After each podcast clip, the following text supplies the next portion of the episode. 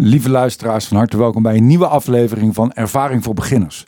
Ik zit hier met cabaretier en filosoof Tim Fransen.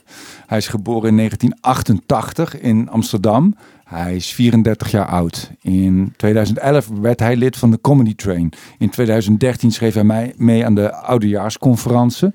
In 2014 won hij het Leidse Cabaret Festival, de jury- en publieksprijs. Uh, hij is een, sowieso een prijzenpakker. Met zijn eerste programma won hij de Nederlands Hoop. Met zijn tweede programma, het Kromme Hout der Mensheid, won hij de Polifinario in de categorie engagement. En zijn huidige programma, wat hij nu speelt, kaartjes voor zijn, is De Mens en Ik. Won hij ook de Polifinario. Hij heeft ook uh, meerdere boeken geschreven. Brieven aan Koos, uh, De Mens, een...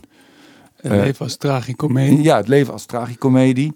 Uh, hij heeft ook podcasts gemaakt die zeer aan te bevelen zijn. Uh, beschaving, de nabeschouwing. En hij heeft nou ook zijn podcast, Tim Franse FM. Tim, van harte welkom. Leuk om je te zijn, Theo. Groot um, genoegen. Ja, hoe... Nou, in de eerste plaats la, laat ik eens zeggen dat ik jou een van de weinige mensen vind. En dat heeft misschien zegt ook iets over de mensen met wie ik omga. Ik vind jou een van de meest weldenkende mensen die ik ken. Ik zou ook als ik in de problemen zit of als ik een, met een moreel dilemma zit. Uh, dat heb ik ook wel eens vaker gedaan. Dan, dan zou ik jou ook echt uh, raadplegen. Die, die weldenkendheid, neem maar aan van mij dat je dat dan bent. Uh, ik incasseer het maar even. Um, is dat is dat nou iets aangeboren of heb je dat nou wel degelijk ook ge, ge, geleerd? Is dat aangescherpt door je opleiding? Want ja, want je hebt psychologie en je hebt filosofie. Heb ik gezegd trouwens dat je cum laude bent afgestudeerd? Ook? Niet hè? Nee, ik miste hem al. Ik ja, hem ja, ja, ja, ja. nou, dus ik vind het een goede vraag. Um, kijk, ik, ik, ik, ik geloof wel heel erg in het, in het begrip wijsheid. Maar wat wijsheid voor mij is, is ons verhouden tot onze tekortkomingen. Hmm. En in die zin denk ik, René Gude was er altijd heel mooi, mooi sprak er altijd heel mooi over. Filosofen zijn ook altijd aan het worstelen met het leven. Hmm. En vanuit die worstelingen komen bepaalde lessen, bepaalde wijsheden, denk ik. Dus ik denk niet dat je, dat, dat ik denk niet dat ooit iemand geboren wordt met de volmaakte wijsheid zonder dat je je, je, je portie levenservaring en tegenslag bent, bent tegengekomen. Ja. Nee, ik denk ook, ik zeg, ik denk ook niet dat jij volmaakt wijs bent hoor. De, de, de, dat denk ik ook weer niet. Nee, nee maar ik ook Ja. dus zeker niet. Nee. Uh, maar, dus, maar het gaat meer over wat, wat wij- wijsheid dan, dan, dan is. Ja, ik- kijk, zelf worstel ik ook weer op mijn manier. En dan Ja. voel ik me ook absoluut niet wijs. En heb ik Nee. andere mensen nodig, omdat ik mijn blinde vlekken heb, Ja, die anderen hopelijk wel van mij kunnen, kunnen zien. ja. Want je hebt twee studies heb jij gedaan hè? Toch? Ja, psychologie en filosofie. Ja. En, ehm, en daarna ben jij comedian. Eh, ja, ik ben gewoon eigenlijk benieuwd hoe dat, hoe dat, hoe is dat, hoe zijn al die dingen bij elkaar gekomen? Was dat een vanzelfsprekendheid? Of was dat een, een puzzel die je gaandeweg hebt gelegd? Nou, dat is, dat is denk ik ook een, een hele worsteling. Ik denk, dus mijn liefde voor cabaret begon denk ik in mijn, in mijn, in, in mijn tienerjaren. En, eh, ik zag jou en, en eh, Erik van Sauers was ik heel lang eh, fan van. En, en toen dacht ik, oh, dit, dit, dit zou ik wel willen. En op die leeftijd ben je ook bij, op zoek naar een identiteit van iets wat je kan. Dacht, Mhm. nou, misschien zou ik dit wel kunnen. Maar toen, ja, niet veel later, toen ik 18 was, toen kwam ik eigenlijk in een soort ja, crisis terecht. Dat, ja, dat, ik had een heel zorgeloze jeugd gehad eigenlijk. En toen ineens eh, werden mijn ogen geopend voor dingen die ik eigenlijk niet wilde zien over de wereld. En, en ik Ja. maakte me heel veel zorgen daarover. En toen voelde ik eigenlijk een hele, ja, bijna eh, ehm, ja, megalomane drang om de wereld te veranderen. En ook eh, misschien het idee dat ik dat zou moeten doen. Hmm. Achteraf schaam ik me daar ook een beetje voor om dat zo te zeggen. Het heeft Ja. iets naïefs en iets megalomaans. Maar ik denk, mijn worsteling is altijd geweest dat ik denk, diep van binnen ben ik denk ik meer een moralist dan een, dan een kunstenaar of een artiest. Ja, Maar ik ben ook doordrongen van het feit dat, je, ja, dat moralisme op het podium geen plek heeft. nee. Dus Nee, is dat zo? nou, ik denk wel dat je het over morele... Ik, vind jou dus een mooi voorbeeld. Jij bent iemand die, die worstelt ook op het podium Mhm. met al die dingen. Maar je bent niet iemand die, die zegt, zo zit het. Nee. Nu moeten we allemaal dit gaan Nee. doen. dan wordt het een preek en dan, dan is het geen, denk ik, geen, geen kunst of geen theater meer, Nee. zou ik denken. Nee. Nee, maar moralistisch zijn is niet voor in mijn ogen niet alleen maar weten hoe het moet, maar ook überhaupt eh, veel ja, stoeien met de materie. Dat is al heel wat, toch? Van, van weten, ook soms weten dat je het niet weet. En, en daar een probleem mee hebben. Ja, En, en Ja. ondanks dat je denkt dat er misschien geen antwoorden zijn, er toch naar op zoek gaat. En die weg gaat bewandelen. ja. Ja, maar, maar ehm, om, om nog een keer jou als voorbeeld te nemen, wat ik, wat ik mooi vind, is jij laat zien hoe complex de morele werkelijkheid is. Ja, Door de dingen van verschillende kanten te bekijken en er dan zelf ook niet uit, uitkomen. ja, En dat is volgens mij al een hele, more, ja, hele belangrijke morele les. Dat ja, de morele wereld is co- complex. Er zijn geen absolute antwoorden. En ik denk dat ik dat bedoel met moralisme. Dus dat Ja. moraal presenteren als een soort absolute waarheid. ja, Maar goed, mijn, mijn artistieke ontwikkeling ging er vervolgens over. Want ik was voorheen ook echt een moralist. Ik zag ook alleen maar morele waarheden Ja. in die zin. Waar, hoe waar kan ik mee wegkomen op het podium? Want ik voelde, mijn, mijn innerlijke drang kwam niet meer zozeer vanuit het artistieke, maar in eerste in plaats omdat ik het gevoel had dat ik, dat ik, dat ik de wereld moest gaan veranderen. Hm. Maar dan ook achter komen, ja, maar dat, eh, daar is het podium in eerste instantie niet voor bedoeld. Dus hoe, ja, welke vorm ga je dan vinden om, om, om die filosofie of die betrokkenheid met de wereld in een artistieke vorm ja. te gieten of zo? Nou, dat is natuurlijk heel belangrijk. Van welke vorm vind je daarvoor, zodat het behapbaar is en eh, het toch ook als een soort, toch een soort smakelijk gerecht moet worden opgediend ook. Ja. Dat mensen zich er niet van afkeren, maar dat mensen zich openstellen voor je verhaal. Ja. Want het is ook een verleidingskunst, toch ook, wat Ja. we doen op het podium. Ja. Maar, ik ben, maar mag ik ook de vraag terugstellen? Want hoe- hoe zit, hoe zit het bij jou? Zeg maar, waar, wat kwam eerder? De, de artistieke impuls? Of de, jij hebt ook een hele grote betrokkenheid bij de, bij de wereld. Nee, bij mij kwam het, was de volgorde wel anders hoor. Voor, voor mij was het eerst bestaansrecht veroveren en eerst eh, eh, het vertrouwen opbouwen dat ik grappig was en dat ik, dat ik dat ik dat dat mijn plek was, dat ik daar hoorde. En ik ben denk ik minstens tien jaar later heb ik eigenlijk meegemaakt wat jij hebt meegemaakt, dat dat je inzichten toen was ik denk ik eh, al 30 of, of misschien 31 of zo. En dat de- inzichten van, van, van hoe je naar de wereld kijkt overdonderend waren op een hele negatieve manier. En, en me helemaal stuk sloegen en ook wel een soort van... eh, ehm, ja, een soort depressief gevoel in ieder geval eh, creëerde, waardoor ik ook niet meer verder kon. En van daaruit heb ik toen functioneel naakt gemaakt eigenlijk. Vanuit Hm. een diepe, diepe crisis. En dat was voor mijn gevoel ook mijn eerste programma waarbij dat samen, dat samenkwam. Ja. De humor en de, de, de wanhoop en de, de nadenken over de wereld en over mezelf en de medemens. Is bij mij, ja, ik ben, een la, ik ben veel later dan jij daarin. En, en toen je functioneel naakt ging maken, was dat toen weer... Voelde dat alsof je toen het weer opnieuw moest uitvinden wat je aan het doen was op het podium? Of ging dat ook wel toen vrij natuurlijk? Nee, want toen had ik mijn instrument, zou je kunnen zeggen, al, al redelijk goed ontwikkeld. Dus ik wist hoe je een grap moest maken en hoe je... Ik voelde me heel comfortabel op het podium. En toen voelde ik ook wel een soort ehm, verplichting. Is dat de juiste dosering? Ja, ja, denk ik wel. Ook van ja, god, je staat daar en er zijn honderden mensen die bereid zijn om naar je te luisteren. Wat, wat, wat doe je daarmee? En ehm, ja, dus ja, toch ook Ja. wel, ja, ja. En nu vind ik het heel, nu vind ik het heel fijn dat ik die ruimte heb of dat ik die plek heb waar ik dat kan doen en waar ik, waar ik eh, expressief kan zijn en waar ik dat, eh, ja, dat ik dat niet de hele dag door hoef te doen Ja. tegen Jan en alle man. Dat wordt natuurlijk heel vervelend. Ja, ja.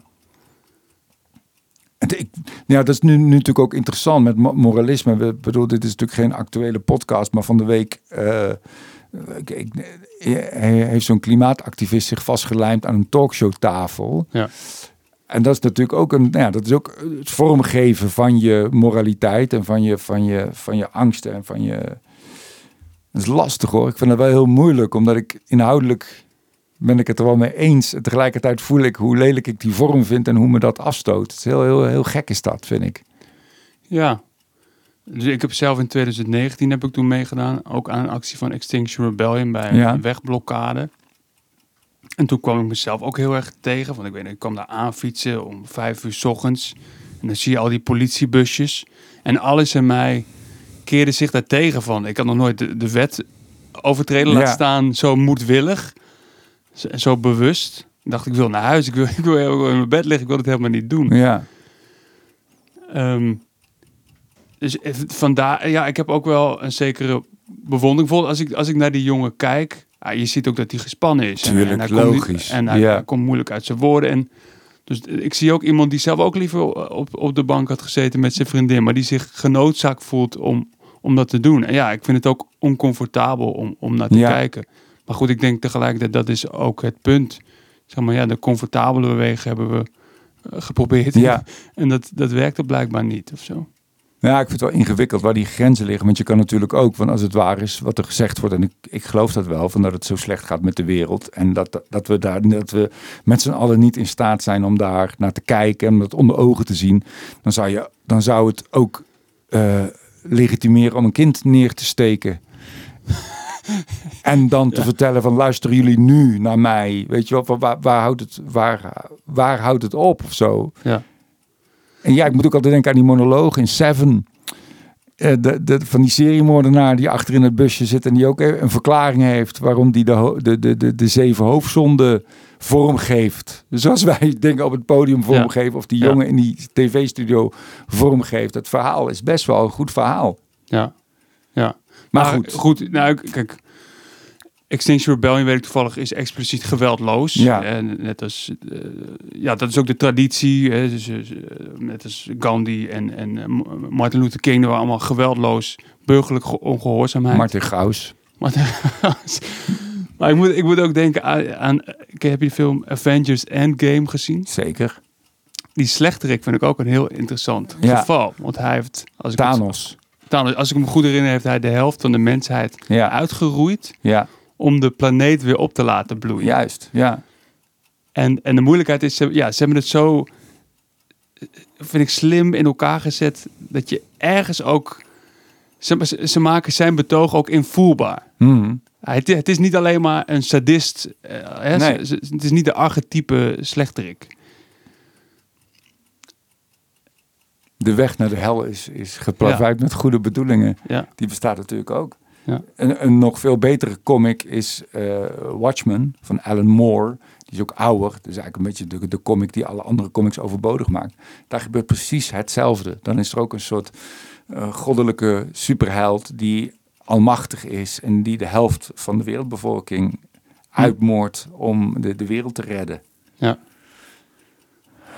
Godverdomme. Tim, we zijn tien minuutjes bezig. Waar, waar- waar moeten, we, waar moeten we nu heen? Ja, Maar, maar, maar dit illustreert ook hoe, dus hoe complex de morele werkelijkheid is. Dat s- Mm. sommige dingen die op zichzelf waardevol zijn, met elkaar kunnen botsen. ja, En dus eh, het hele Avengers Endgame zit, zit vol met keuzes dat ze bijvoorbeeld één iemand moeten redden of juist opofferen voor een hele groep aantal andere mensen. Ja. Maar goed, die ene iemand is dan vaak wel net iemand die ze heel goed kennen. ja. Ehm, maar goed, ja, ja, Ja. van dat soort dilemma's is het leven denk ik bezaaid. Saving Private Ryan is daar ook een goed voorbeeld van, toch? Ja, Want dan gaan ze, omdat al in één gezin zijn er al heel veel jongens omgekomen in dienst. En dan gaan ze die ene eh, Ryan, die gaan ze proberen te redden. En, Ja. en om hem te redden gaan er- Sneuvelen heel veel anderen. 300 militairen. ja. En als kijker heb je het gevoel, ja, maar het is het toch wel waard. Ja. Omdat het met Damon is, het gewoon een knappe gast. Denk, ja, Ja. Terwijl die anderen zijn gewoon B-acteurs die, die ook amper in beeld komen. Dat je denkt, ja, maar, maar, dat, ja, maar dat is toch ook hoe, hoe moreel beperkt wij zijn. Hè? Dus er zijn ook alle onderzoeken. Wij kunnen ons met één iemand dus veel beter identificeren. Ja. Veel meer empathie voelen. Dan wanneer ik in de krant lees dat er nu eh, in Nigeria overstromingen zijn. Waarbij eh, 1,4 miljoen kinderen eh, hongersnood lijden. Ja. Ja. 1,4 miljoen is gewoon zo abstract ja, dat ik me daar eigenlijk niks bij kan voorstellen. Dus ik weet met mijn hoofd hoe erg het is. ja. Dus we gooien soep naar een schilderij. Terwijl mensen doodgaan van de honger. Denk als je soep over hebt, kun je die dan niet beter naar die mensen gooien die zo'n honger hebben? Is dat, ben je dan niet een beter mens? Ben je dan eigenlijk niet veel beter bezig? Ja. Het is, ja. Vervolgens, want nu, nu, nu zijn we wel ergens van, van je hebt die, die, die noodzaak. Want ik wil, hoe, hoe doe je dat vervolgens? Omdat probeer je dat uit van, van hoe je aan die moraliteit, hoe je daar een vorm aan geeft die aantrekkelijk is, die grappig is. Hoe is dat een, een langlopend experiment waar je in zit? Nou, ik heb ook wel net als jij gewoon op een gegeven moment had ik wel door. Ja, ik moet ook gewoon het kunstje onder de knie krijgen. Dus ja, ik heb ook gewoon superveel triviale grapjes gemaakt over mijn penis en, en, en maatbekers en noem het allemaal maar op. En dat Ja. was denk ik ook nodig. Inderdaad, wat jij zegt, dat is het instrument Ja, waarmee je het vervolgens moet, moet, moet gaan doen. Ik weet nog wel één moment, dat was ook de periode waarin ik veel omging met, eh, met René Gudin, zijn laatste levensjaar. En het was eh, na mijn afstuderen, toen was ik ook gewoon heel erg bezig met, ja, hoe, hoe moet ik nou allemaal vorm gaan geven? En toen deed ik destijds deed ik bodypump. En, en tijdens, tijdens die les schoot me ineens iets te binnen hoe ik van, van Nietzsche, ja, dat ik iets van zijn theorie kon vertellen, Ja. maar op een manier dat, het, dat, het, dat ik een grap ermee kon maken eigenlijk. ja, En dat bedacht ik na die les. En het was op een woensdag. Op woensdag hebben wij in Toemler altijd uitprobeeravond. Ik stond niet op het rooster. Maar toen ben ik meteen na die les ongedoucht. ben ik meteen naar, naar gefietst. Uit Ja. enthousiasme om dat te gaan proberen. En het was maar één, één grapje.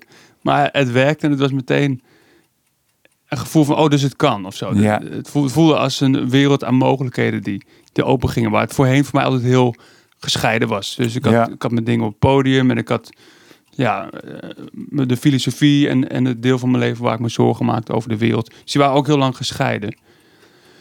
En daarvoor, ja, ja kijk wat jij zegt met functioneel naakt. Ik heb ook pas het gevoel dat, dat het bij de- deze show, mijn derde pas, echt is gelukt. Om het, om het op een organische manier te, te integreren. ja. Ja, Want dat is, ja, dat is heel mooi. Ik vind het heel mooi als dat lukt om het, het hogere en het lagere, de piemelgrappen, om, om dat op een of andere manier met elkaar te verbinden. Om, om ja, lijm te vinden, zou ik willen zeggen, om die, die twee dingen eh, aan elkaar te plakken. ja, ja.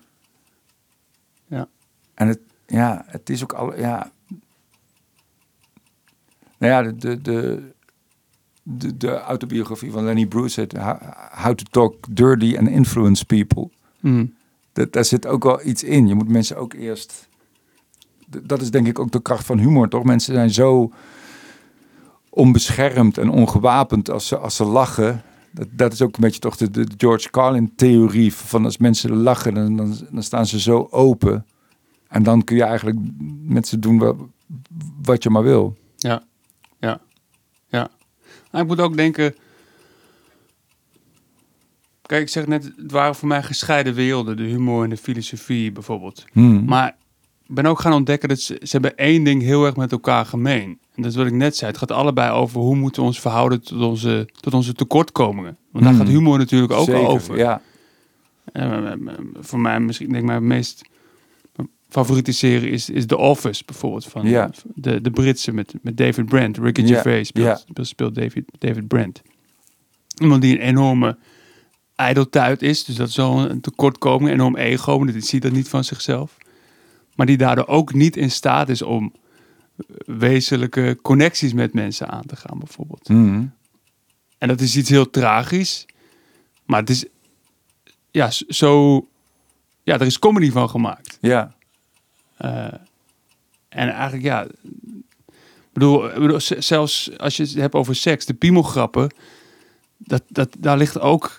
Daar ligt schaamte bij. Ik bedoel, Ja. we zijn ook gewoon maar een lichamelijk wezen. Bedoel, Het is niet voor niks dat we de hele, de hele dag kleren dragen om dat te bedekken, zeg maar. In, in die zin zijn we ook maar gewoon, gewoon ja, eh, ja. Alleen het feit dat we lichamelijk zijn en, en, en sterfelijk en verval en allemaal eh, lichamelijke tekortkomen die we proberen te verbergen, wat soms niet gaat. En ja, dat, dat is precies wat ons mensen maakt, maar, maar waar ook humor voor mij op zijn best is. Nou, dit heb je eigenlijk in jouw tweede programma, in het Kromhout en Mensheid, heb je dit eigenlijk heel mooi. eh, is dit eigenlijk, was dit het onderwerp echt, hè? Ja, ja. En Ja, alleen, dus, dus daarom zeg ik denk ik dat mijn, voor mijn gevoel pas mijn derde echt geslaagd was. ja, Want in mijn tweede show, inderdaad, probeerde ik iets, nog iets uit te leggen. ja, Ehm, terwijl, ja, wat ik hoop te doen in mijn derde show, maar wat ik bij jou zie, jij, jij belichaamt dat. Ja. Jij belichaamt dat worstelen zonder dat je het per se Ja. helemaal die theorie erover hoeft uit je te zit leggen. eigenlijk, het verschil is misschien dat je in de ene situatie vertel je het verhaaltje, in het andere zit je in het verhaaltje. Zit Ja. je er middenin. Ja. Ben je niet de verteller van het verhaal, maar de, de hoofdpersoon die in dat avontuur Ja. eh, zit. Ja. Ja. Dat is grappig, want ik heb ooit gelezen, maar dat ging meer over. Dat was meer een spiritueel boek. En dat, dat, dat vertelde eigenlijk precies het tegenovergestelde. Dat, dat, de, dat het juist ook de kunst is om je te realiseren. Maar dat gaat niet over je podiumpersoonlijkheid, maar over jezelf als mens. Om je te realiseren eh, dat je niet, de, de, de hoofd, niet altijd de hoofdpersoon bent in het verhaal. Maar dat je er soms ook Hm. naar kunt kijken als degene die dat verhaal aan het lezen is. En dat dat een soort een, een interessante afstand creëert, waardoor je naar jezelf kan kijken ook. Ja. Kritisch of juist met mededogen. Of, ik, snap dat, ik snap dat wel. Ja. En die, die jouw eigen tekortkomingen hè, als, als, als mens, ehm, heb je die moeten eh, on- ontdekken? Wist je dat al? Of wist je dat al en, en schaamde je ervoor om dat te tonen? Hoe, hoe, hoe is dat gegaan? Mm. Ja, ik vind dat moeilijk te zeggen, omdat, kijk, in, in- inmiddels... Kijk, vanuit mijn beleving is, is mens zijn leven met tekortkomingen. En som, sommige Ja. daarvan, die zijn individueel. Nou, bijvoorbeeld in mijn tienertijd dat ik, maakte ik me zorgen over mijn flaporen. Eh, je bent sowieso onzeker. Hoe moet je met meisjes dingen doen? Maar er zijn natuurlijk ook een paar fundamentele tekortkomingen in, in, in dit leven. Dat we moeten omgaan met, met eindigheid bijvoorbeeld. Ik sprak een, een theaterdirecteur deze week. En die zei eigenlijk alle artiesten, ik weet niet of het waar is, maar ik vond het een interessante theorie, worden naarmate ze ouder worden, was zijn observatie, worden ze onzekerder. Hmm. En Ik, ik weet niet of het in alle gevallen waar is, maar ik kan me er ook wel iets bij voorstellen. Dus, eh, dat je op een gegeven moment misschien je, je, je niet meer zo goed bent als je ooit, ooit was. Maar, maar, maar dat is misschien nog wel steeds de maatstaf. En dat je dan toch... Hij noemde bijvoorbeeld als voorbeeld dat sommige artiesten op hun eh, topjaren eigenlijk nooit in de artiestenfoyer, of eh, sorry, in de foyer kwamen na Ja, afloop. Ja, En dan naarmate ze ouder werden, toch de mensen opzochten. En zijn eh, ja, gedachte was van, toch vanuit een soort hang naar bevestiging. Dat die Ja. mensen toch... En ik ken ook wel... eh, ja, herken jij daar zelf iets van? Ik, ik zie jou als een belakerend zelfvertrouwen. ik ga nog niet naar, naar de hand. Ik zit nog goed volgens mij. Ik ga nog Ja. niet naar, naar, naar, naar de gewone mensen eh, voor je, zoals ik het dan noem. Ehm, nee, ik denk als performer of als cabaretier word ik niet zeker, niet onzekerder. Ik vind het geloof ik wel bijzonderder waar ik in zit of wat ik aan het doen ben. En dat al die mensen komen. Ik denk dat ik wel eerst dat dingen eh, van, vanzelfsprekender waren. Dat ik daar nogal nonchalant mee omging. Van ja, dat is gewoon zo. En nu vind ik dat wel bijzonderder. Dus ik denk wel dat ik wat gevoeliger aan het worden ben in die zin. Hm. En als mens misschien denk ik wel dat ik ook misschien wel wat onzekerder word, maar tegelijkertijd ook comfortabeler word met, die die onzekerheid. onzekerheid en met dat, en met dat, en met dat niet weten. Hm. En dat ik ook niet meer zo zo'n hittepetit of niet zo fel ben, zodat je iets, dat er iets meer eh, afstand is of iets meer contemplatie. Maar En hoe verklaar je dat? Want je, je zou ook kunnen denken, naarmate je ouder wordt, word je juist zekerder of zo. Als ik mezelf vergelijk met mijn 15-jarige, heb ik nu wel Ja. meer zelfvertrouwen. ja, maar dat moet ook van 15 naar 34 hoort Ja. het ook zo. Maar blijkbaar komt er dus ook een punt dat het ja. kan omslaan of zo. Ja, het lijkt mij, ja, het lijkt mij wel heel akelig. Ik heb daar nog geen, wat ze ook, ze proberen me kapot te maken, Tim. maar dat lukt ze, nee, ja, nee. Ik ben er misschien ook wel waaks op. Ik vind dat, ik vind dat soms link. Maar dat heb ik sowieso ook in deze tijd. Dat, dat, je, dat ik soms de neiging heb om van de weeromstuit iets anders te gaan denken dan wat het dominante verhaal is. Of wat ze me proberen op te dringen. Maar dan probeer ik me daar wel bewust van te zijn. Van nee, ik wil gewoon ontspannen kijken naar wat ik er echt van vind. Los van Ja. wat ze mij domme. Want soms proberen ze misschien iets mij door de strot te duwen. En is dat eigenlijk helemaal prima voedsel. En klopt dat ook? Of Ja. ik probeer wel dat, mijn best te doen om autonoom en zuiver en ontspannen Ja. naar de wereld om me heen te kijken en wat er gebeurt. Je hebt denk ik van nature inderdaad wel iets tegendraads of iets rebels in je karakter, toch? Ja. Ja. Hmm. Maar dus wat jij zei over die tekortkoming, ik bedoel, ik- kom het ook tegen bij wat ik doe. Zeg maar, ik ben niet, ik, van nature ben ik helemaal geen podiumdier. Nee. Dus dat maakt ook bijvoorbeeld als, als er iets misgaat of een grapje mislukt, kon ik daar vroeger echt nog een hele dag schaamte over voelen. Ja. Zo. Oh, gevoel van, oh, ik heb nu ten onrechte de, de aandacht opgeëist. Ja. want voor iemand die een beetje ingetogen, een beetje verlegen is, is het nogal wat om de aandacht op te eisen. Zeker. En als je, als je het dan voor je gevoel niet waar maakt, krijg je dat eigenlijk bevestigd. Van zie je wel, dat had je niet Ja. moeten doen. Maar daarom vind ik cabaret ook zo'n schitterende tak van sport. Wat voetballen ook heeft. Bij voetbal heb je hele kleine mannetjes die 1,65 zijn en overeen door- en, en beesten van 1,95 die gespierd zijn en bonkig. En er is ruimte voor, bij voetbal heb je is er ruimte voor heel veel type, lichaamstypen, zeg maar. En ik vind het zo leuk aan cabaret, dat, dat figuren zoals jij en, of Kees Torren of eh, Patrick Laurij of Micha. Weg. Het zijn allemaal verschillende soorten Ja. figuren die, die, die eh, als ze grappig zijn en goed zijn, is er gewoon...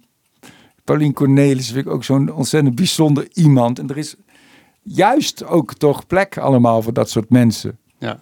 Ik, heb, ik heb ooit auditie gedaan op de toneelschool in Maastricht. En ik ben heel blij dat ik daar niet ben aangenomen. Dat is echt zo'n opleiding. Waarschijnlijk was ik er na een jaar afgeflikkerd als ik wel was aangenomen. Maar die toch soort, een soort mal hebben waarin ze graag willen. Hè, dan moet je technisch. Want ik vind dat. Hè, bedoel, jij zou qua articulatie. eh, eh, zou, zou je nog steeds misschien een beetje beter kunnen worden. Maar ik Ja. vind dat veel prettiger. Want Dat, dat maakt je ook heel authentiek. Ik ken ook wel cabaretiers die hebben allemaal dat soort opleidingen gedaan. Ja. En die zo verschrikkelijk goed articuleren dat het weer een beetje, eh, ja, dat de persoonlijkheid een beetje verdwijnt. Omdat dat, dat alles perfect klinkt. Maar je, je voelt niet meer iemands ziel of iemands onvermogen of iemands... Dat, dat vind ik heel leuk. Ik moet zeggen dat ik tijdens mijn carrière best wel wat mailtjes heb gekregen over mijn articulatie. Dat was zelden van, eh, wat ben je toch lekker authentiek. Ja maar, ja, maar omdat mensen dat niet bewust meekrijgen. Maar dat is wel het bijeffect. Dat is wel het resultaat. Daar mag Ja. je wel op vertrouwen. Hm. Ja. maar je noemt ook mensen inderdaad. ja, er zijn nog veel meer voor. Ja, nee, natuurlijk, Ja, Maar eh, dit is voor mij ook geen origineel inzicht. Maar de, de meeste cabaretiers hebben wel iets raars of iets eigenaardigs. Ze zijn Ja. niet helemaal de doorsnee mensen, zeg maar. En, en voor, voor mij illustreert dat ook... Al die mensen, omdat ze niet helemaal mee kunnen in hoe het normaal gesproken gaat... is er wrijving tussen hen en de wereld. En, Ja. dat, en dat is natuurlijk... Waardoor je gedachten krijgt die andere mensen Ja. niet, niet hebben. of zo. ja. Dus dat vind ik ook een mooi voorbeeld van hoe, hoe je je tekortkomingen ook weer maken wie je bent en, en waar mooie dingen uit voortkomen. Want dat is denk ik de andere kant. Hè? Dus voor mij is mensenleven een leven van tekortkomingen, maar het zijn ook precies die tekortkomingen die het leven de moeite waard maken. Ja. Eh, het feit dat we eindig zijn maakt ook dat onze keuzes ertoe doen. Ja, als we oneindig zouden leven, ben ik er niet van overtuigd dat- ik nog de motivatie zou hebben om iets nu te doen in plaats van over 16 Ja. jaar. Ja. Ja, schaarste. Het is gewoon schaarste in tijd waar je, Ja. die je realiseert. Ja. En wij zijn de enige diersoort die daarmee opgeschreven zit met die, met die realisatie. Ja. En de humor is, is, is het geschenk dan, waardoor we daar nog om kunnen lachen, gelukkig. Ik heb wel eens gehoord dat olifanten eh, humor hebben. En dat die het dan heel grappig vinden om, net als hun kooi is schoongemaakt, om dan te gaan kakken. Dat ze echt. en dan dat die, eh, degene die het schoon moet maken, dan weer aan de. Ja. wat, Misschien iets ook, vierde programma. wat ook volgens mij een, een, een, want dat weet ik wel zeker en je hebt het al eens vaker verteld, maar het is toch, ik vind het zo, zo helpend, denk ik, voor mensen die, die iets willen en die luisteren, is dat er ook een heel mooi moment, mooi moment is geweest in je carrière, waarbij eh eh, Koos Terpstra heeft je daar volgens mij bij geholpen en René Gude ook, om jou ook een beetje uit die studeerkamer te jagen. ja. En eigenlijk eh, tegen jou hebben we gezegd van, Tim, Tim ga, eens, ga eens op pad, ga eens wat dingen meemaken. Ja. Dat, dat is ook wel een groot, een belang, volgens mij een belangrijk moment geweest in jouw carrière. Ja, zeker weten. Ja, ik, ik, ik leidde een heel teruggetrokken bestaan. Ik had gewoon mijn habitat waar ik me, waar ik me thuis voelde. Ik ging elke dag, elke dag naar de universiteitsbibliotheek, ook toen ik al was afgestudeerd. Grapjes schrijven, maar een hele veilige wereld. Tenminste, die veiligheid had ik denk ik ook nodig, omdat de wereld daarbuiten voor mij dus helemaal niet zo veilig eh, voelde. Die vond ik vaak een beetje onherbergzaam of, of niet, een, ja, niet een prettige plek. Maar het was inderdaad Koos Terpstra die, die zei... Nou, het- ik weet ook wel wat uit voortkwam. Er was misschien sprake dat hij mijn voorstelling zou gaan regisseren. En ik had gewoon een heel filosofisch epistel geschreven van hier moet mijn voorstelling over gaan. Ja. En hij zei, ja, maar dit is, dit is geen theater, dit kan je weggooien. wat, Ja. wat, wat in eerste instantie pijnlijk was, maar hij had wel ge- gelijk. En hij zei, je moet gaan, je moet gaan reizen, je moet, je moet ja, de wereld gaan ontdekken. Nou, ironisch genoeg haalde ik uit een boek de, de bevestiging om dat ook te gaan doen. en Nietzsche die zoiets zei van, de, de, de, Ja. de gedachten zijn altijd leger dan de ervaringen. Hmm. Dus toen ben ik, ja, ben ik mijn, mijn favoriete filosofen gaan achterna reizen eigenlijk. En dat heeft, ja, dat heeft wel, ja, dat heeft allerlei luikjes geopend, denk ik. Een hele belangrijke stap voor mij. En interessant genoeg, toen ik dat eenmaal had gedaan, op een gegeven moment voelde het ook, oké, dit, dit is ook weer klaar. Ehm, en verzoen ik me ook in zekere zin mee met wie ik ben. Dus, dus ik weet dat ik me soms moet prikkelen om dat te doen. Maar ik heb me er ook mee verzoend dat ik iemand ben die gewoon graag binnen zit, een boek leest of zo. Ja. Ja, je moet dat ook niet forceren en zeker Nee. niet langdurig. Je werkt nu ook met een regisseur, toch? Ja, Daniel Somkalder, ja. Hoe, Ja. hoe, hoe, hoe, hoe werkt dat in de praktijk? Hoe komt een programma bij jou tot stand? Weet je dat? Ik begin vaak in, in Toemelen. Gewoon wel grappen bedenken. Vaak is dat wel al bewust of onbewust vanuit een thema. Van eh, iets wat me op dat moment bezighoudt of in die fase van mijn leven. En de, de regisseur heeft, heeft bij mij wel echt een essentiële functie als het gaat om, nou, met een moeilijk woord, dramaturgie. Hè, dus hoe, Ik vind het helemaal geen moeilijk woord. Nee, nou, ik denk even aan de luisteraars. Oké. Misschien schat ik ze. mijn luisteraars. Wat denk je wat dit voor podcast is? Oké, dan hoef ik het ook niet Hey, uit te leggen. opzout. Ik heb hier helemaal geen zin in, man. Weet je, mijn luisteraars eh, bedreigen. Flikker op. Oké, dan doe ik een schepje bovenop. ik ken nog wel een paar woorden. Ehm, ja, dus het gaat over hoe, hoe zet je je thematiek om eigenlijk tot een spannend verhaal. Ja, Met, met omslagpunten en een, personage misschien die een ontwikkeling doormaakt. Dus hij bij, bij- benadert het best wel vanuit een toneelvoorstelling, denk Ja. ik.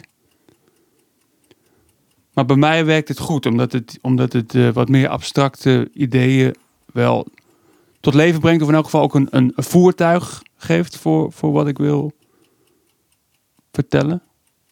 En in welk stadium zitten we dan nu? Want je zegt eerst, ik ga eerst wat dingetjes uitproberen in Toemelen, grapjes maken. En eh, hoe, hoe, hoe vaak sta jij dan daar voordat je zelf eh, inzicht krijgt in wat je nou eigenlijk hebt? En of dat klopt bij wat je van tevoren bedacht hebt? Of kan dat ook een eigen leven gaan leiden en zich tot een andere levensvorm eh, vormen? Ja, dus ik, ik denk dat ik meestal een jaar in Toemelen speel of zo. Totdat ik wel eigenlijk al mijn grappen wel al heb. Of tenminste al Ja. mijn grappen heb. Genoeg Ja. grappen heb om het theater in te gaan. En dan wordt het van... Ja, maar, maar dan is het nog geen voorstelling. Maar dat Nee. was een besef. Nee. Ja, dat moest ik allemaal leren. Eh, ik, ik, voor mij voelde ook heel, heel lang die stap gigantisch. Eerst van het kwartiertje dat je speelt in Toemelen. Ja. Na drie kwartier, dat vind ik al eh, een enorme stap. Want dan heb je ineens een spanningsboog nodig. Ja, dan heb je een begin en een midden en een eind ook. Ja, Ja. En dan vervolgens dus nog die stap naar een avondvullende voorstelling. Dat is gewoon echt een bijna, voelde voor mij bijna als een ander vak. En waar ik dus ook echt iemand bij nodig heb. Ik heb het gevoel dat jij dat veel intuïtiever doet. Ik heb het gevoel dat jouw regisseurs meer klankbord ja. zijn. Ja, ja, dat denk ik ook, ja. En hoe gaat het dan? Hoe gaat het? Want, want gaan jullie dan praten? Spreken jullie af heel praktisch in een, in een ruimte? Komt er veel kijken in Toemler? Ja, dus bij mijn, mijn eerste voorstelling, toen was ik wel een, een eind op weg. En toen had ik dus ook al mijn materiaal. Maar ik was nog een beetje, toen waren we nog niet, was hij nog niet mijn vaste regisseur. Nee. En, en veel mensen om, om me heen, ook van mijn impresariaat, zeiden ja, het is, het, is wel, het is wel bijna goed of zo. Maar ik voelde nee, het, het is nog helemaal niet eh, goed. En toen kwam hij en hij bevestigde dat voor mij. Ja, Van, eh, ook wel dat hij wel potentie in zag. Hij zei ook lieve dingen, maar ook, ja, maar, maar, maar dit is nog geen voorstelling. En dat, dat is de haat-liefde verhouding die ik tot op de dag vandaag met hem heb. ja, Hij is, eh, ja, hij is, hij is mijn scherpste criticus, zeg maar. ja, En ziet ook de dingen die ik zelf niet zie. Mijn blinde vlekken. En dan kom je in een heel eng gebied dat je iemand moet gaan vertrouwen. Want Ja. als je het echt niet ziet van jezelf, dan voelt het ook heel tegenintuïtief om met iemand mee te gaan. Heb je daar een voorbeeld van? Van iets wat je dan zelf niet ziet en wat hij zegt. En dat je daar dan toch op vertrouwt? Nou, ik had bijvoorbeeld een stuk over pistachenootjes, bijvoorbeeld. Ja, ja, ja. En dat, nou, dat, qua comedy werkte dat altijd heel goed. Ja, En, en wij, in Toemler zeker, wil je vaak afsluiten met je grappigste stukje. ja, Dus te- heel lang tijdens die try-outs was dit, dat gewoon nog steeds het laatste stukje waar ik mee eindigde. En, en ja, het weggetje daar naartoe was een beetje erbij gesmokkeld, zeg maar. Ja, maar goed, ja. dan had je wel je sterkste grap aan het Ja. einde. En hij zei, nee, maar het, het, het past aan het einde niet. Het hoort daar niet. Het moet ergens anders. Maar ja, dan voel ik me onthandig. Ja, maar dan heb ik, geen, dan heb ik niks aan het einde. Ja. Wat, wat moet ik dan? Dus dat zijn dan dingen dat je erop moet gaan vertrouwen dat er iets anders komt en dat hij me helpt dat er een ander fatsoenlijk einde komt. Ja, het zit, zit in dat soort dingen, denk ik. Eh, ik weet van Louis C.K. dat hij zichzelf dwingt om, als hij aan try-out is en een heel sterk stuk heeft, om, dat, om daarmee te openen Ja. en zichzelf dwingt om het materiaal wat daarna komt net zo goed te krijgen. Ja. En dat je dan eh, wil afsluiten hè, met, je, met die beste grappen. Is dat omdat je eh, dat aan het publiek wil geven? Of is dat ook omdat dan ook eh, collega-comedians me- meekijken? Wat, wat is daar de reden van, weet je? Ik ken het hoor. Ik, heb, ik heb precies Ja. hetzelfde, voor alle duidelijkheid. Nou, dat is natuurlijk ook... Daar, daar, daar, daar vind je je zekerheid in, denk ik. ja, En in die zin dus is, of beter gezegd, het is een schild tegen onzekerheid. Maar je, je wil gewoon mensen... Je gaat toch, het publiek gaat nou eenmaal weg met waar je ze mee naar buiten stuurt. ja, Dus daarom wil je ook denk ik dat, dat, dat je goed eindigt. ja. En ik denk, ik weet niet hoe dat voor jou voelt, maar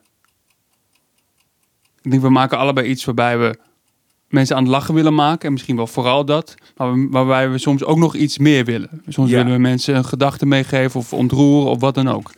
Maar al het andere is veel moeilijker te meten dan de ja. lach. Ja, zeker. Ja. De lach is de enige, ja, voor je gevoel als comedian kan je snel denken, ja, het enige tastbare, meetbare resultaat van wat je doet. En dan in elk geval bij mij ligt nou dan ook op de loer dat je het, het succes van een voorstelling alleen daaraan gaat afmeten. Mm. Want daarvan weet ik of het werkt of niet. Van al het andere kan ik dat veel moeilijker inschatten eigenlijk.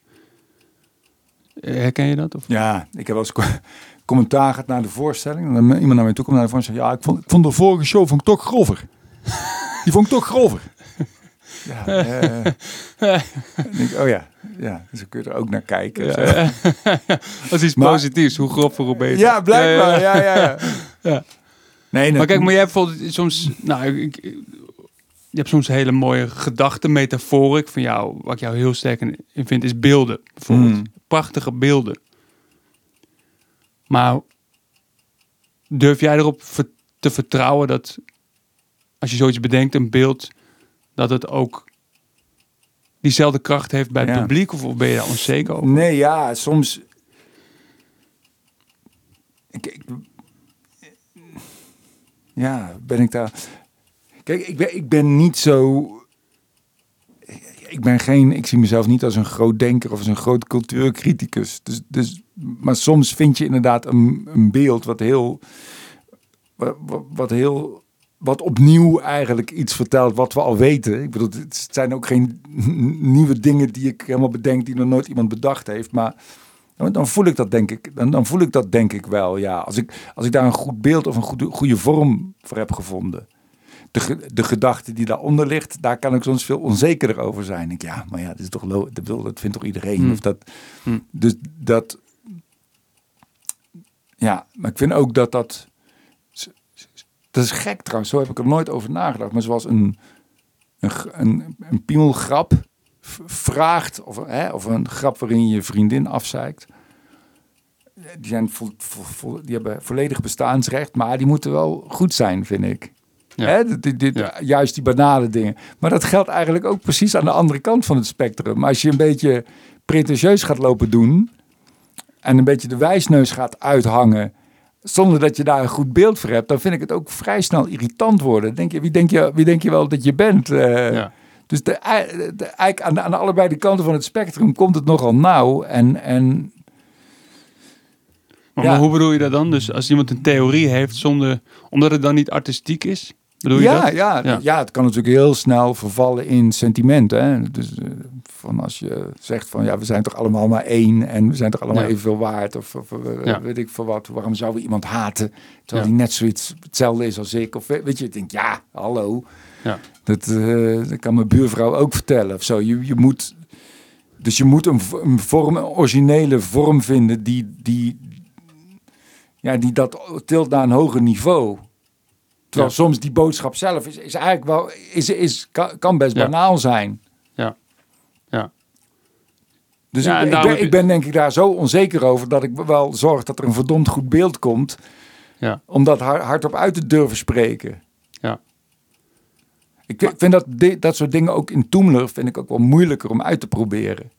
Hè, die Ja. ge- Ik durf, ik vind het helemaal niet erg om, om, om ehm, eh, middelmatige grappen te maken in Toemler. Weet je, daar kom ik wel achter of iemand, eh, weet je, dat, Ja. dat, dat, dat, is geen probleem. Dat, dat, dat, dat, that's the job of zo. Dat, ja, je, bent naar goudklompjes aan het zoeken en je zeeft wat en af en toe zit er een klompje in en soms zit er... Ah, dit is dus zo'n beeld, Theo. Dit is dus zo'n beeld. nee, nee maar zo, ja, het is vaak ook zand of zo en dan flik je dat weer weg en dat is helemaal geen probleem. Maar Ja. bij het andere vind ik, vind ik gênanter als dat, als dat misgaat. Ja. En mensen zitten Maar hoe niet- weet je dan dat het misgaat? Dat is mijn vraag. Want daar, daar zit dan, zou mijn onzekerheid zitten. Omdat er niet een, een meetmethode is. Ja, ja, nee, ik snap wat je bedoelt. Hoe weet je dat het misgaat? Ja, daarin moet je zelf en, en je regisseur toch wel moeten dat, moeten dat goed in de, ja, moet, dat moet je wel goed in de gaten houden. Want in dat, ja, ik, ik vrees dat publiek dat, dat niet, niet helemaal kan, eh, die kan jou dat niet geven. Ja. Ja.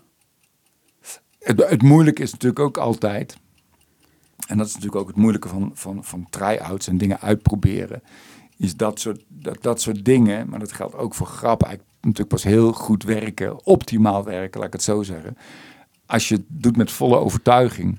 Hm. En als je Ja. dat doet met die 30% twijfel, ja. Van, is dit wat, jongens? ja, dan, Ja. dan, dan is het ook, dan is het ook weg. Daarom zei die probeer, ik, ik speel eigenlijk nooit op dinsdag of woensdag. Ik probeer altijd die dingen gewoon uit op donderdag, vrijdag of zaterdag in Toemler.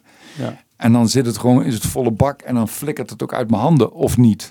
Waar ik dan ook benieuwd naar ben, want zo ken ik je ook inderdaad. En jij vindt het dan ook niet erg om te openen op, op zo'n avond. Dus je, je komt dan in die zin onbevreesd over. Heb je, heb je niet ook een gedachte van die mensen weten wie ik ben? Ik ben Theo Maassen, ze hebben een bepaald beeld van mij. Een bepaalde reputatie, dat je dat, je dat on- onderuit kan halen? Of kan je dat helemaal loslaten? Ja, dat kan ik best wel goed loslaten. Ik zit, Hm. Daarom ben ik ook zo blij hoor. Met toen, want ik speel ook wel eens in Club Haug, wat een hartstikke leuke club is ook. Heb ik ook een paar keer gespeeld. Maar daar, daar probeer ik dan niet dingen uit. Dan laat ik ze even een poepje ruiken. Weet je? Ja, wel. ja. Hier, zo goed ben ik. Bam! en in, in Toemler, ja, weet ik gewoon zo. En ik heb iedereen op zijn bek zien gaan. En iedereen heeft mij op zijn bek zien gaan. En dat, dat voelt, ja, dat voelt dan toch zo, zo eh, ja, toch heel veilig. Nee, ik heb daar Ja. dan geen last van. Ja. En- Maar dan heb je dus vooral over, want inderdaad, wij onderling weten van elkaar dat het erbij hoort dat je op je bek gaat. Ja. Maar dat is iets anders dan het publiek. Het publiek weet dat misschien Ja, niet. ja, ja, sorry. Ja, Ja. ja. Ja, er zullen ongetwijfeld mensen eh, dan daar weg zijn gaan. Ah, nee, die is toch niet meer zo goed. Of eh Ja. doe mij maar Rijn Pandé. Ja. En daar is ook iets voor te zeggen. Ja. En Rijn is ook hartstikke leuk. Ja. Dus ja, dat, dat, dat, eh, dat gebeurt ook. Maar het kan, ja, het kan niet anders. Nee. Ja, je- want je hebt ook wel, dat- dat zijn, dat zijn ook bekende verhalen, weet je wel, van, van, van veel artiesten die, die niet in Toemelen zouden durven spelen. Of die alleen maar met hun eigen bezetting of met hun eigen gitarist. Of, maar je moet, ja, en dan, dan creëer je een soort kunstmatige omgeving waarin je steeds een klein koninkrijkje, waarin je steeds koning bent. Maar ja, je wordt natuurlijk veel sterker als je, als je dat toch een beetje moet bevechten. Of, of dat het een beetje onduidelijk is wie of wat. Ja. En daarom is Toemelen een hele eerlijke plek. Dus Ja. inderdaad, het maakt niet uit hoe groot je naam is. Als je na twee minuten niet eh, een beetje hebt geleverd, dan, Ja, dan, dan ben je, ben je weg, zeg maar. En daar, hè, er zijn ook mensen die niet meer in Toemelen terugkomen. Ja. Die, die, voor, voor wie het misschien veiliger is om eh, hun eigen publiek op te zoeken in Ja. het theater. Ik heb vaak zat aan de bar gestaan en Jonas, Jonas die kan ook zo eh, ontzettend, dat elke zin grappig is. Dat er na elke zin Ja. gelachen wordt door wat hij zegt, door hoe hij het zegt. En dat ik dan daarna moet en denk, oh fucking hell, weet je wel. Ja. En eh, ja, dat dwingt je dan ook weer tot iets. Dan denk ik, oh ja, fuck, ik kan nou niet, nu moet ik niet meteen bang. Ik moet nu even zelf een gebiedje maken, een eigen gebiedje maken. Al, al is dat maar twee minuten. Ja. En van daaruit vertrekken en niet vanuit die energie. Want dan red ik het, dan red ik het niet. Echt. Ik heb dat nog niet. Ja. Die, eh, Maar ja, dat is toch leuk. Nee, dat is denk ik ook waar de jongetjes van de heren zich onderscheiden. Want ik ga wel altijd op dinsdag of woensdag eerst wel grapjes proberen. en, dan, en, als, en als je dan voelt, oh, het is wel wat. Dan kan ik het met vertrouwen gaan doen, zeg maar. Ja, maar ik ja. vind dat het heel moeilijk om... Ik vind het altijd een heel interessant moment dat ik ook, dat ik wel, dan heb ik twaalf dingetjes. En die, die heb ik dan op een briefje geschreven. En dan, eh, maar ik ken het dan echt nog niet. Ik heb het dus en niet uitgeschreven en ik ken het nog niet goed uit mijn hoofd. En dat je dan, en dat helpt mij soms zo, dat ik dan ook ga slootjes springen, noem ik dat dan toch een beetje. Of ik, je kent het wel dat er al ijs is, maar de, schotjes springen bedoel ik. Schotjes, Ja. dat het ijs nog niet vastgevroren is, maar dat je van schotje naar schotje moet springen. En omdat je het even niet meer weet, dan ben ik die volgorde kwijt. Denk, oh ja, maar dat is er ook nog. En dan pak ik dat blijkbaar. En dan blijkt dat eigenlijk een hele goede overgang te zijn, Ja. die ik niet heb bedacht. Ja. Maar omdat ik, omdat ik de volgorde niet in mijn hoofd heb, die move maak. Dus dat kan ook wel heel erg helpen juist. Ja, ja. Daarom Ja, vind ik dat hele proces zo leuk. Van niks naar een afprogramma waarbij je helemaal niet meer hoeft na te denken. En al je energie kan steken in het spel. Ja. Ja. Ja, ik heb dat minder. maar, maar, ja, maar jij bent in die zin ook een meer een speler dan ik. Maar ik ben het wel gaan ontdekken. Dat wat, wat, wat daarin... Wat voor rijkdom daarin ook te vinden is inderdaad in het, in het spel. Of zo. Ik, voorheen dacht ik altijd, ja, maar... Het is, het is gewoon de tekst en die moet goed zijn. En die moet je dan gewoon eh, gaan vertellen, zeg maar. ja. Maar inderdaad, het is... Het is eh, Maar ben je, als je aan het optreden bent en je speelt, hoe lang duurt jouw huidige eh, pro- programma? De mensen eh 1 uur 25 minuten. ja. Ben jij dan anderhalf uur aan het beoordelen jezelf van, van, van hoe het gaat? Of, of verlies jij je ook wel op een gegeven moment in de flow van de voorstelling? Nou, helemaal in opgaan. Ik weet niet of ik die ervaring ken. Ik ken wel het, het absolute tegendeel, wat, wat je wil vermijden. Dat je echt naar jezelf zet te kijken. Ja, ja, ja. Vanaf een afstandje. Dat je denkt De- ook, dat ken ik ook, dat ik denk, oh wat ben ik veel aan het praten. Er zijn er veel woorden allemaal uit mijn mond aan het komen. Ja. Kan die man niet even zijn mond houden? En er gaat nog zoveel komen. Ik heb wel soms, bijvoorbeeld, eh, ik speelde woensdag in Emuiden. Een fijne voorstelling. Dat je, dat je ineens denkt, oh, ik zit al bij de laatste scène. Ja, ja. Maar, maar ik heb ook wel eens gehad dat ik ineens halverwege dat je denkt, ben ik hier pas? ja. Ja. Ehm, Ja, dus ik denk wel dat ik altijd wel aan het monitoren ben van hoe gaat het. Bij Ja. elke grap van, oké, was dit het maximale wat er uit deze grap te halen viel? Ja. Het luisteren naar mijn eigen stem. Dus ik zou het niet helemaal flow willen noemen of zo. Dat, Nee. je, dat je helemaal samenvalt. Ken je, heb jij dat wel? Ik ken het wel, ja. Ja, dat vind ik de fijnste voorstelling. In het begin is dat nooit. Je moet al- altijd even de boel aan de gang krijgen. En dat is wel grappig. Ik moet denken, want soms, ik moet vaak spelen als PSV ook moet spelen. Dus dan zit ik soms nog vlak voor de wedstrijd zo te kijken wat de stand is. En dan staan ze voor de Europa League 1-0 achter en zo. En dan ga ik het podium op. En dan op een gegeven moment ben ik toch echt wel vergeten ook dat PSV aan het spelen is. Mm. En dan loop ik af en denk, oeh, even kijken wat het is geworden. En dan Ja. ben ik echt wel vergeten dat die wedstrijd gaande Ja. is. Dat vind ik altijd mooi, mooi, eh, mooi iets. Ja. Maar ik vind, het, ik vind wel altijd het lekkerste dat ik wel zeg maar, de, de, de controleur in mijn hoofd, die ik ook heel goed ken, dat die, eh, eh, ja, dat ik die een beetje, een beetje kwijtraak. En met, samen met die zaal in een bepaald soort energie en een soort, soort flow en een soort Ja. vibe kom die, die heel vanzelfsprekend is en waarbij ehm, tijd eh, vervaagt. Ja. Nou, ik, mo- ik moest wel denken. Want ik kan er geen voetbalvoorbeeld tegenover stellen, want daar weet ik niet zoveel vanaf. Maar ik, heb, ik had wel een, ehm, een tijdje, ja, zo jaren terug. Maar toen, toen worstelde ik best wel met mijn toenmalige relatie. En dan kon ik me heel... De sportworstel heb je het nu over, hè? Niet? En toen kon ik me soms heel zwaar voelen. En, en, Ja. het, en het dan naar een theater gaan voelde dan extra zwaar. En dan in zo'n kleedkamer zonder ramen. Maar dan op het podium, omdat je concentratie zo eh, ja, eh, extreem is eigenlijk op zo'n moment, viel dat allemaal helemaal weg. Ja, Echt volledig. ja. En dan liep ik het podium weer af. En denk ik, oh ja, ik had helemaal problemen. ja, nou ja, dat. Ja. Wat, wat gebeurt er bij jou eh, een kwartier voor, voor aanvang, van, voordat je opgaat?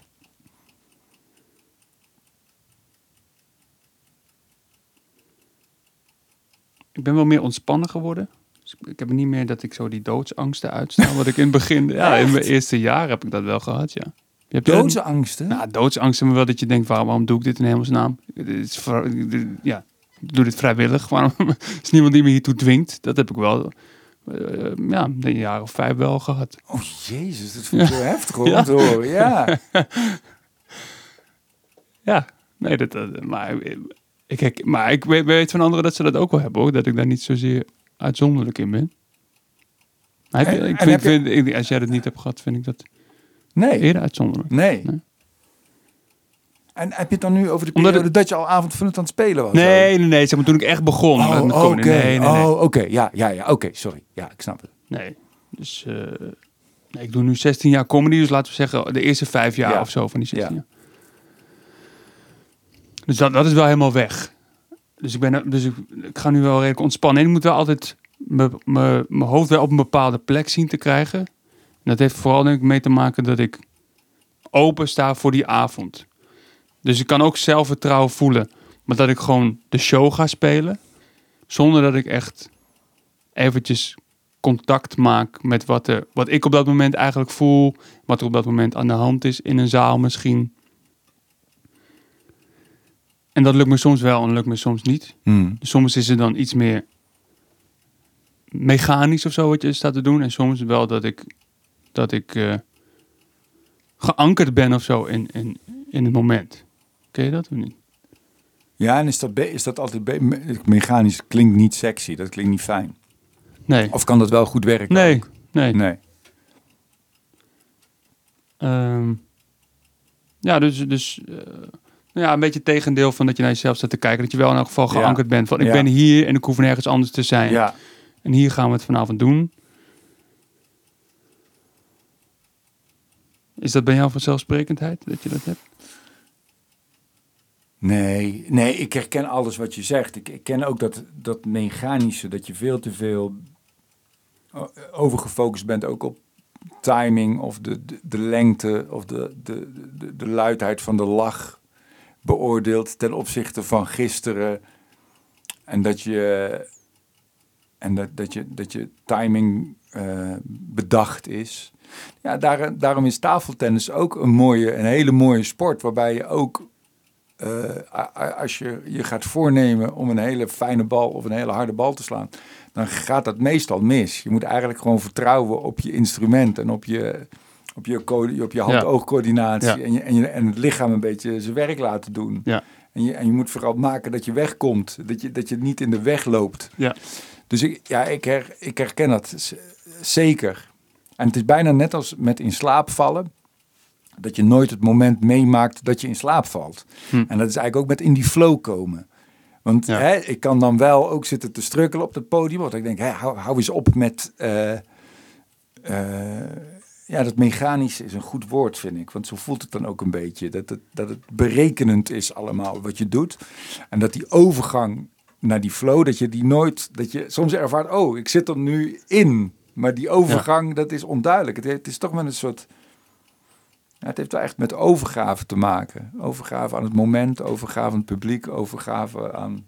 Ja. Ja, dat, dat, dat is het. En dat is een rare spier waar je niet zoveel controle over hebt. Dus je kan van alles doen en je kan alles, maar je moet daar iets laten of zo. Ja. Ja, ja.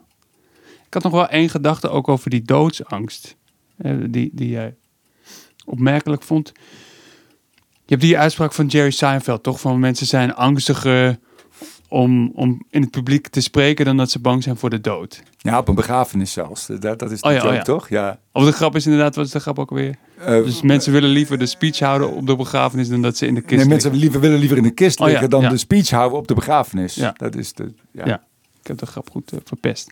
Maar ik- ergens, ergens denk ik dat het ook heel begrijpelijk is. En ik wij mensen, wij zijn sociale wezens. Wij groeiden op hè, als jarenverzamelaar in groepen.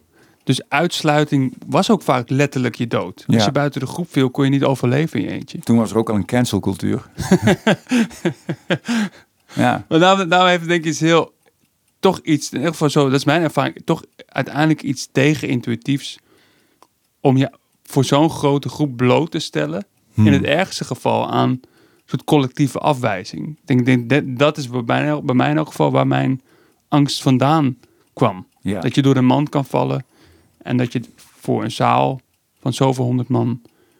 ja, eh, gevo- gevoel krijgt... oké, je, je hoort er niet meer bij of zo. Heb, ik, heb je dat helemaal nooit gehad? Ja, in het begin wel. En op een gegeven moment heb ik blijkbaar toch. eh, eh, ja, zit dat in mij dat dat, dat het mijn plek is. Maar het is natuurlijk een wankele balans. Want je hebt natuurlijk ook aan de ene kant van het spectrum heb je die doodsangst en die onzekerheid. Aan de andere kant van het spectrum heb je natuurlijk dat mensen zelf voldaan kunnen worden. Ja. Ik vind zelf, maar ik vind zelf ook, ik vind zelfverzekerdheid. Maar mensen die zelf onzeker zijn, die vinden dat soms al lelijk. Ik vind zelfverzekerdheid eigenlijk heel leuk bij mensen. Ik hou wel van zelfverzekerde mensen. Ik vind, ik vind dat mensen vaak goed staan. Of ik vind het prettig om me daartoe te verhouden. Of dat mensen met veel overtuiging iets vertellen. Maar ja, het is, het is, het natuurlijk wel... eh, ja, de, de, de dosering in deze is natuurlijk ook weer eens heel belangrijk. Ja, ja. Toch geloof ik altijd dat als je zeg maar de overtreffende trap hef, nar- narcistische mensen, zeg Mm. maar, die, die zichzelf constant op de borst kloppen. Voor mijn gevoel is dat niet zozeer een overtreffende trap, als wel meer eh, de an- andere kant van de medaille van onzekerheid. Ja, het is een specifiek vormgegeven onzekerheid natuurlijk. ja. Ja, dat is ook zo. Ja, dan, ja, dan, dan, dan probeer je iets af te schermen. Dan is, Ja. dan is het, dan is het eh, opscheppen of eh, constant hebben over hoe geweldig je bent, is dan een manier om iets kwets, kwetsbaars, denk ik, eh, af te stoppen of zo. Ja, ja en toch, ik heb altijd de neiging om jonge comedians, en dat zijn eigenlijk de enige jonge makers die ik gewoon veelvuldig zie en ken, maar wie weet geldt dat ook voor hele andere clubjes, is toch om die overtuiging te stimuleren. Ik vind, Ja. dat, dat, dat, ik vind dat Ja. die jonge garde best eigenlijk te bescheiden is. En, te, en dan werkt het niet, omdat, het, omdat je, je moet het toch vol overtuiging doen. Je moet die doodsangst, als die er is, je moet hem, je moet hem overwinnen. Of in ieder geval in de kleedkamer houden. Ja. Ja. Nee, dat, dat, heb ik ook moeten leren. Als je op een podium gaat staan met de vraag, mag ik hier staan? Ja, dan ben je weg. Je moet die vraag zelf al beantwoorden. Ja, Ik, mag er versta- ik mag er staan. En dan kunnen we vervolgens... Nou, kunnen we eindelijk gaan tafeltennissen nu. is er nog iets? Ik heb nog één vraag, Tim. Is er, is er, is er iets heel concreets waar jij, waar jij aan wil werken? Of wat jij bij jezelf wil verbeteren nog? Na deze mooie stap die je hebt gemaakt naar je derde programma, De Mens en Ik. Ik ben soms heel jaloers op komieken die het gevoel kunnen uitdragen van wat hier vanavond gebeurt is uniek. En Ja. bijvoorbeeld Jan-Jaap van der Wal vind ik daar een meester in. Ja. Wij doen het hier met z'n allen samen en dat er echt iets ontstaat wat echt de woorden en de tekst en alles wat je van tevoren bedacht ontstijgt eigenlijk. Dat is iets denk ik waar, waar ik niet ja, waar ik, waar, mezelf, in- waar ik mezelf in zou willen ontwikkelen, laat ik het zo zeggen. En is dat techniek? Is dat, is dat de manier waarop hij het niet uitschrijft, maar in het moment zelf zoekt naar de woorden die het best leiden naar dat wat hij wil zeggen? Of is het een instelling? Ja, als ik het zou weten, ik heb het gevoel dat het ook wel een instelling is. Dat met, met wel- welke instelling sta je op dat podium? Sta je om indruk te maken met al die dingetjes die je van tevoren hebt bedacht? Hmm.